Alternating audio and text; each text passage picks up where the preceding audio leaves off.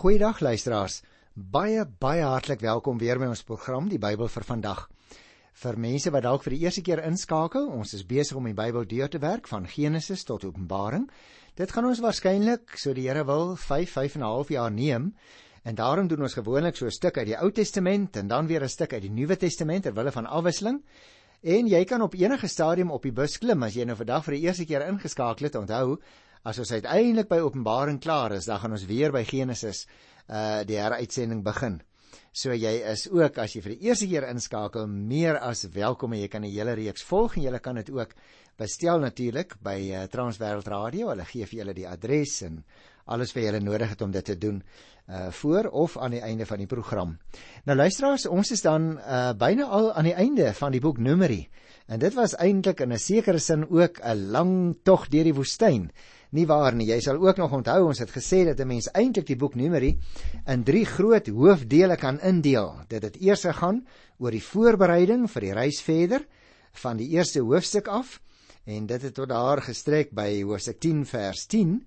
Dit ons die tweede groot deel genoem, naamlik die reis deur die woestyn, hoofstuk 10 vers 11 tot 25 vers 18 en toe het ons van hoofstuk 26 af begin met die uh, tweede generasie. Dit is nou daardie mense wat gebore is in die woestyn wat dan voorbereiding getref het om die beloofde land binne te gaan. En nou is ons byna aan die einde daarvan. Die boek Numeri het 36 hoofstukke en ek begin dan sommer dadelik vandag by hoofstuk 28 en ek wil 3 hoofstukke doen. Uh hoofstuk 28 en 29 gaan ek net oorsigtelik doen. Die van julle wat gereeld julle Bybels voor julle het, sal sien by die uh, 28ste hoofstuk is die opskrif offers. En 'n volgende opskrifie daar is daaglikse offers en dan kom daar ook nog afdelings oor verskillende offers. En dan die 29ste hoofstuk handel ook nog oor offers. Maar nou gaan ek nie al die offers wat nou hier bespreek word weer behandel nie. Want julle sal onthou ons het almal van hulle behandel toe ons die boek Exodus en ook die boek Levitikus gedoen het. Daarom wil ek wat hoofstuk 28 betref net 'n enkele algemene opmerkings maak en dan gaan ek aan na die volgende hoofstuk toe. Want uh, in hierdie gedeelte luisteraars gee die Here van sy kant af aan Israel die land wat hy hulle beloof het. Nou natuurlik van Israel se kant af verwag die Here dat hulle al die dae wat hulle in daardie beloofde land gaan bly met al die goeie wat die land vir hulle gaan oplewer vir die Here sal dien. En dat hulle natuurlik ook aan hom toegewy sal lewe elke dag. En dit moet hulle natuurlik doen met die verskillende offers wat die Here wil hê dat hulle op verskillende dae en tye van die jaar vir hom sal bring. Mense kan dit ook verstaan want ons onthou dat hulle nie offers bring om gered te word nie. Hulle bring offers uit dankbaarheid teenoor die Here omdat hy reeds met hulle uh in kontak gekom het van sy kant af uh, sy hand op hulle gelê het en hulle reageer in 'n sekere sin ook uit dankbaarheid by wyse van die offers wat hy dan voorskrywe en wat hulle aan hom bring. Nou moet ons natuurlik onthou luisteraars, al die offers vanaf die wat hulle daagliks en weekliks en maandeliks moes bring tot by die offers by die verskillende jaarlikse feeste. Al daardie verskillende goed word hier eh, beskrywe. Nou op omvattende wyse sorg die Here dus vir sy volk, maar aan die ander kant verwag hy ook van hulle om met hulle hele lewe aan hom toegewy te wees. Jy sien, die kunskap by God raak jou en my totale bestaan.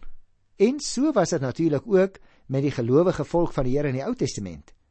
En daarom moet jy en ek ook vandag nog onthou, daar is niks in ons lewens waar ons nie volkome op die Here kan vertrou nie. Ons mag maar op hom vertrou, want hy het sy hand op ons lewens ook gelê. Maar terselfdertyd is daar ook nooit 'n tyd in jou en in my lewe waarin ons nie aan die Here behoort nie. Jy sien 'n mens behoort of aan die Here of jy behoort nie aan hom nie.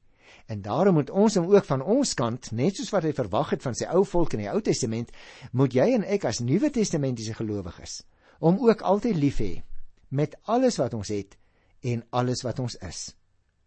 Nou luisteraars, ek gaan dan nou nie die offers wat hier beskrywe word in die 28ste hoofstuk weer herhaal nie want ons het dit reeds gedoen uh toe ons die boek Levitikus behandel het. En dit bring my by die situasie in uh Numeri 29. En hier het ons byna nou 'n parallelle situasie soos in hoofstuk 18. En daarom gaan ek ook nie die offers wat ook hier in die 29ste hoofstuk voorkom weer 'n keer bespreek nie. Ek gaan ook nie die offerfeeste waarop daardie offers dan gebring is weer 'n keer met jou herhaal nie. Uh, ek wil net daarop wys dat jy sal sien as jy nou jou Bybel voor jou het, Numeri 29, die eerste 6 verse, handel spesifiek dan oor offers by die nuwejaarsfees. Ek het ook toe ons Levitikus 23 vers 23 tot 25 behandel het, uh nie net oor die fees nie, maar veral ook oor die offers met jou gesels. En daarom wil ek net 'n um, 'n baie kort opmerking maak oor hierdie nuwejaarsfees, want dit is tog vir ons uh, van belang dat ons sal weet uh wat by daardie geleentheid gebeur het en net enkele opmerkings. Jy sien die nuwejaarsfees uh is op 1 Tisri uh gevier volgens die Joodse kalender van daardie tyd. En die fees, Nuwejaarsfees, het sy naam gekry deurdat Tisri op 'n stadium as die eerste maand in die ou Israelitiese kalender begin geld het. En dit was 'n rusdag. Dit is 'n feesdag ook terselfdertyd gewees met bepaalde offers. En ons het dan daaroor gepraat. Die tweede afdeling in Hosea 29 kry mens uh van uh vers 7 tot by vers 11 en dit handel oor offers wat gebring is op die groot versoendag. Nou in ons tyd ken ons dit natuurlik as Yom Kippur. En dit was ook 'n baie belangrike fees natuurlik gewees. Ons het daaroor gepraat en ook oor die offers. Toe ons Levitikus 16 behandel het en ook Levitikus 23 van vers 26 tot 32. Daarom gaan ek nie in detail oor die offers praat nie, net weer enkele opmerkings oor die groot versoendag. Jy sien hierdie groot versoendag is op 10 Tisri gevier en dit was 'n dag van verootmoediging waarop daar dan ook gevas is waarop die volk opgehou het met enige werk terwyl daar dan versoening gedoen moet word vir die sondes van die priesters en die volk.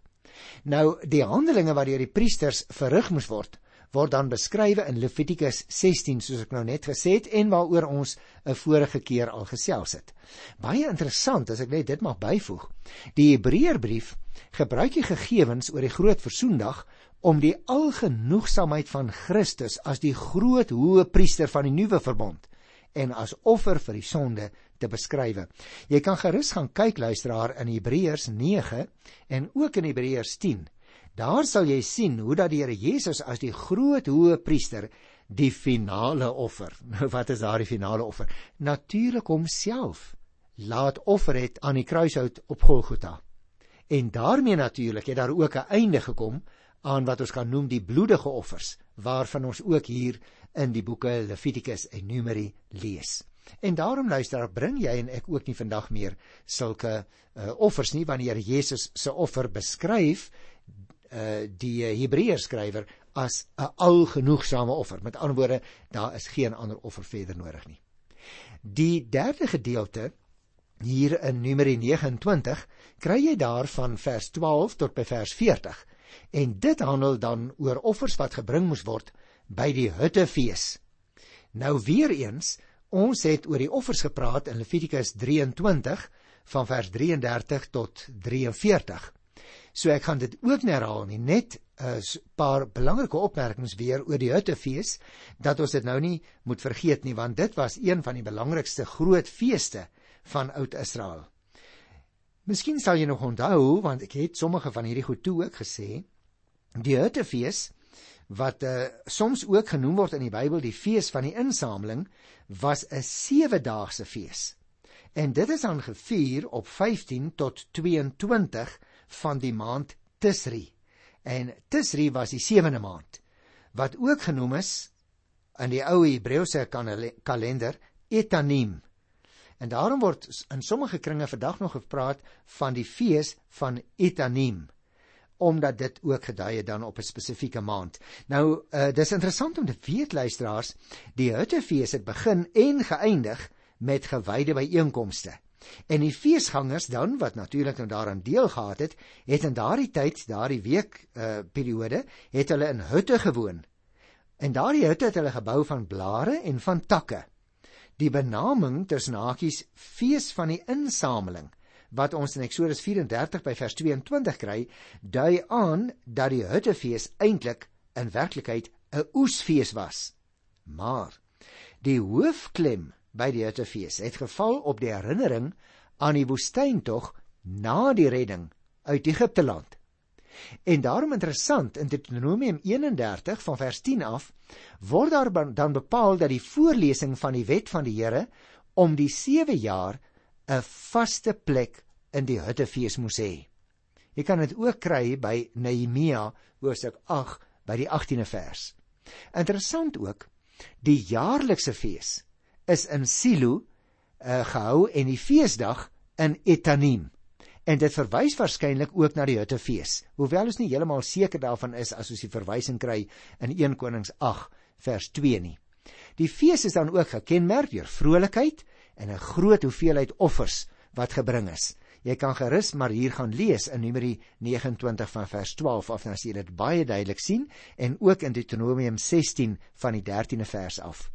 Verskillende seremonies het later in die geskiedenis deel geword van hierdie uh, huttefees. Een daarvan byvoorbeeld was die uitgiet van water op die altaar. Nou hierdie water was natuurlik afkomstig in die tyd van die nuwe tempel in Jerusalem van die Siloam fontein af. Nou jy sal natuurlik onthou luisteraar, ek het al vir jou vertel, die Siloam fontein is deur 'n tonnel verbind, 'n ondergrondse tonnel wat in die tyd van koning Hizkia gegrawe is tot binnekant die mure van ou Jerusalem. Nou teen die agtergrond van die uitspraak van die Here Jesus in Johannes 7 vers 37 moet 'n mens dan ook hierdie uh water wat uit die Siloam fontein kom uh verstaan. Nou teen hierdie verskillende feeste wat hierdie mense daar moes hou, was daar verskillende ander ook geleenthede ook en daar was ook verskillende offers wat hulle gebring moes word. Maar ek gaan volstaan by hierdie gedeelte en hierdie enkele verwysings daarna, omdat ek graag luisteraars vandag wil kom by die 30ste hoofstuk. En uh, daar wil ek 'n bietjie stil staan, nie by die hele hoofstuk nie, is in elk geval maar net 16 verse, maar uh, by sekere geloftes wat aan die Here gemaak is. Nou oorsigtelik uh by Numeri 30 wil ek uh graag hierdie uh, klompie opmerkings maak.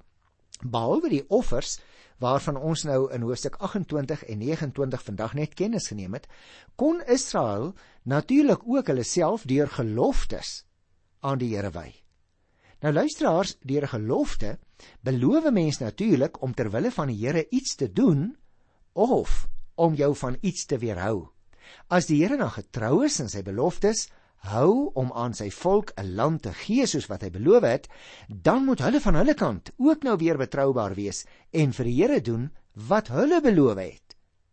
Nou, omdat 'n gelofte net soos 'n Nasareer gelofte waarvan ons gelees het in Numeri 6, daarvan die eerste vers af, dikwels nie uitgevoer kan word sonder die on ondersteuning van ander mense nie, moes gesinslede en familielede in ag geneem word wanneer 'n gelofte aan die Here gemaak word. Kom ek noem 'n voorbeeld. As 'n vrou beloof het om al haar tyd en kragte aan die diens van die Here te wy en sy is getroud, dan sal daar natuurlik nou ander reëlings getref moet word om haar man en haar huishouding en haar kinders te versorg alvorens sy haar belofte wat sy met 'n eed gesweer het in 'n gelofte aan die Here sal kan nakom. Anders doen sy dit natuurlik ten koste van ander mense.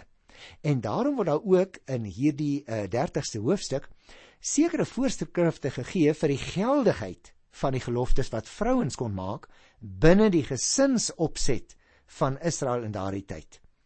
Tussen hakies het jy geweet as 'n mens Prediker 5 vers 3 lees, dan kry jy daar 'n vermaaning om nie te wag om die geloftes wat ons vir God gemaak het uit te voer nie.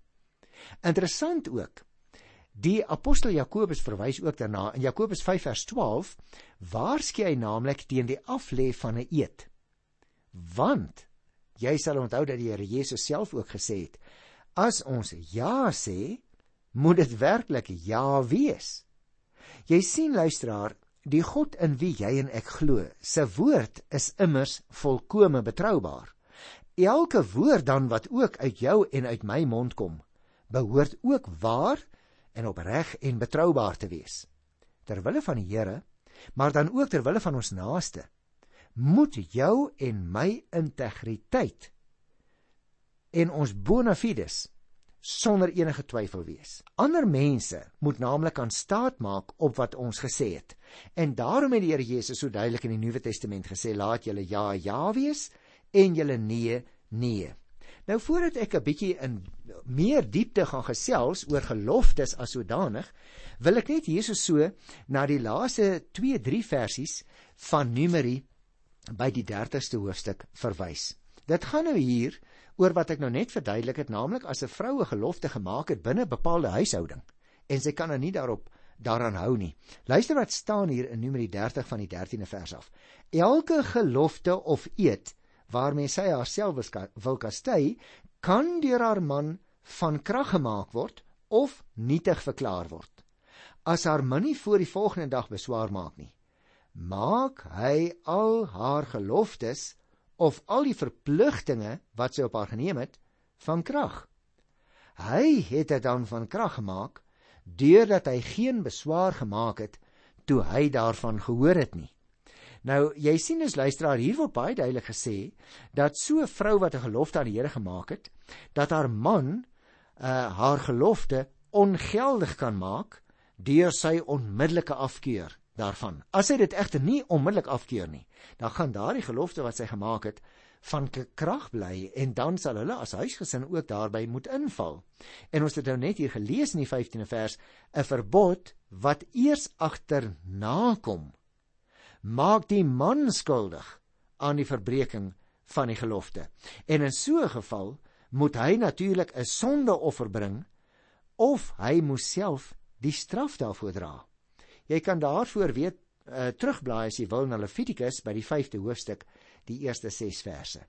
Nou omdat ek net nou gesê dat sommige van hierdie uh voorskrifte vir offers uh in Levitikus behandel is, uh is dit die enigste versies wat ek nou hier wou uitlig. Maar daarmee wil ek graag in die volgende klompie minute wat oorbly, 'n paar algemene kenmerke uh van geloftes maak en vir jou so 'n bietjie herinner aan voorbeelde wat ons ook kry. Maar jy sien luisteraar, ons moet baie duidelik onderskeid maak tussen 'n belofte wat jy en ek aan iemand anders maak. Nou ja, weer eens, ons ja moet ja wees en ons nee nee. Maar wanneer dit nou kom by 'n gelofte, dan is dit nog 'n meer gewigtige saak. Dan moet ons onthou dat ons met 'n gelofte 'n uh, eintlik 'n belofte aan die Here maak. En die Here is 'n heilige God dat ons daarin onderneem om iets te doen of iets na te laat. En jy kan nie sommer as jy met die Here te maak het enige verskoning dan bybring nie. Daarom wil ek ook tussen hakies vir jou sê jy moet baie baie versigtig wees om 'n gelofte teenoor die Here af te lê, want jy kan dit dalk nie hou nie. En dis 'n baie ernstige saak. So by 'n belofte gaan dit oor 'n persoon teenoor 'n ander mens. Maar as ons kom by 'n gelofte, dan handel ons met 'n persoon wat 'n belofte wat dan genoem word 'n gelofte aan die Here maak. Nou dis baie interessant om te weet dat geloftes nie net by oud Israel voorgekom het nie. Byna alle volke in die ou wêreld het uh, hierdie gebruik van geloftes geken. In die Ou Testament word dan ook verskillende kere daarvan gepraat. Daar's eintlik baie voorbeelde veral in die Ou Testament. Die woord in die Hebreëse taal wat gebruik word neder uh wat daar vir gelofte gebruik word, skyn dan saam te hang met 'n stamwoord wat 'n betekenis, kan ek sê, 'n wortelbetekenis het wat min of meer beteken om jouself te wy aan iemand of om jou toe te wy aan iemand. Nou kan jy verstaan as die Hebreëse wortel betekenis van die werkwoord dit beteken, waarom ek vir jou sê jy moet baie versigtig wees om 'n gelofte teenoor die Here te maak want daarmee wy jy jouself op 'n sekere manier en bind jy jou dus self op 'n sekere manier aan die Here. 'n Luisteraar se persoon kan God beloof dat hy iets sal doen wanneer hy uit 'n gevaar gered wil word of as hy natuurlik nou op 'n bepaalde manier geseën is, dan het mense ook soms in die ou tyd 'n gelofte afgelê.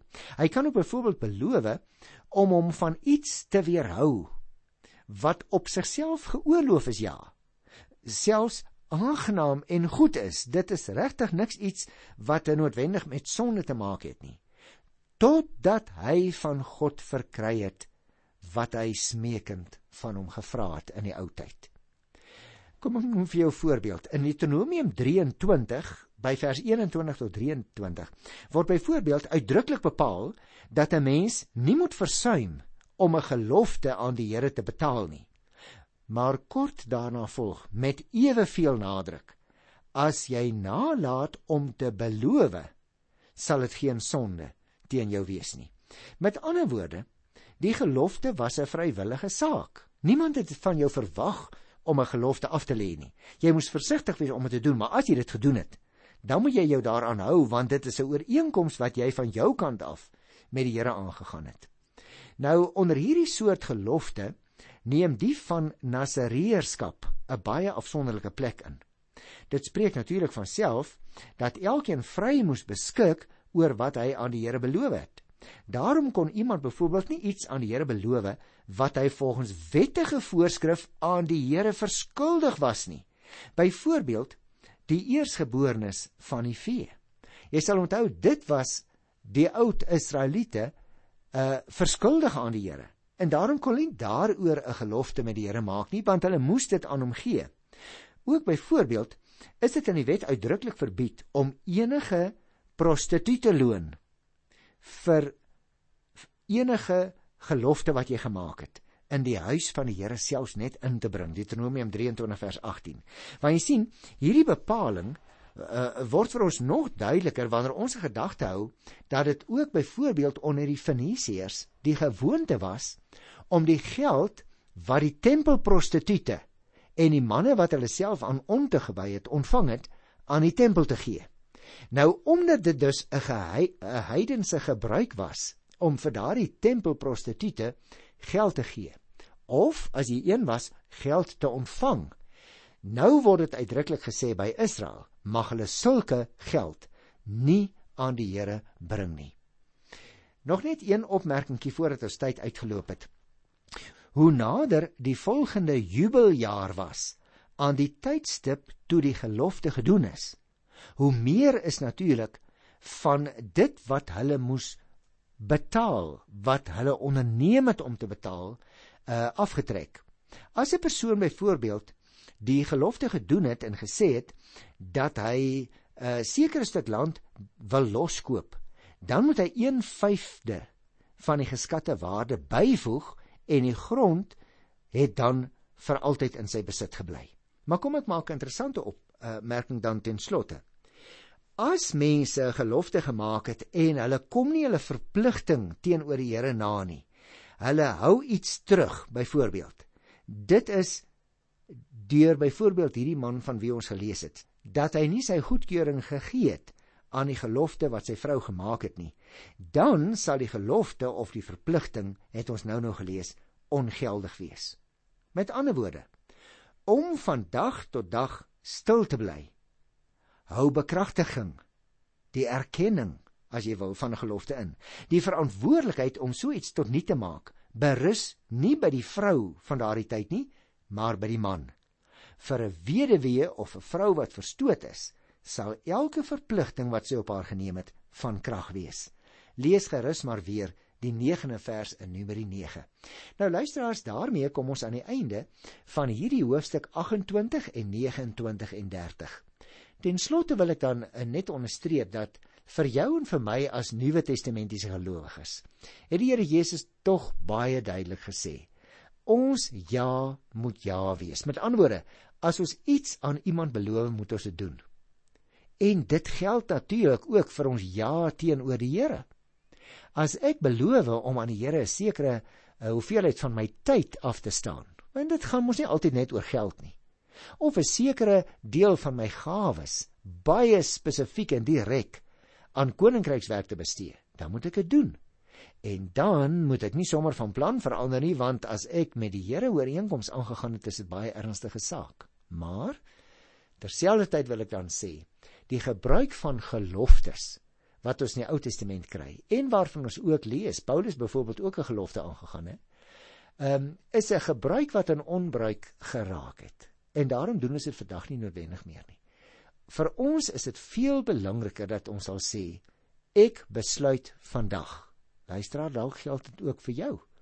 Dat jy vandag by hernuwing kan besluit. Van vandag af is my ja, ja en my nee is nee. Ek groet jou dan tot volgende keer in die wonderlike naam van Jesus Christus wat vir ons hierdie waarheid geleer en beklemtoon het. Tot dan. Totsiens.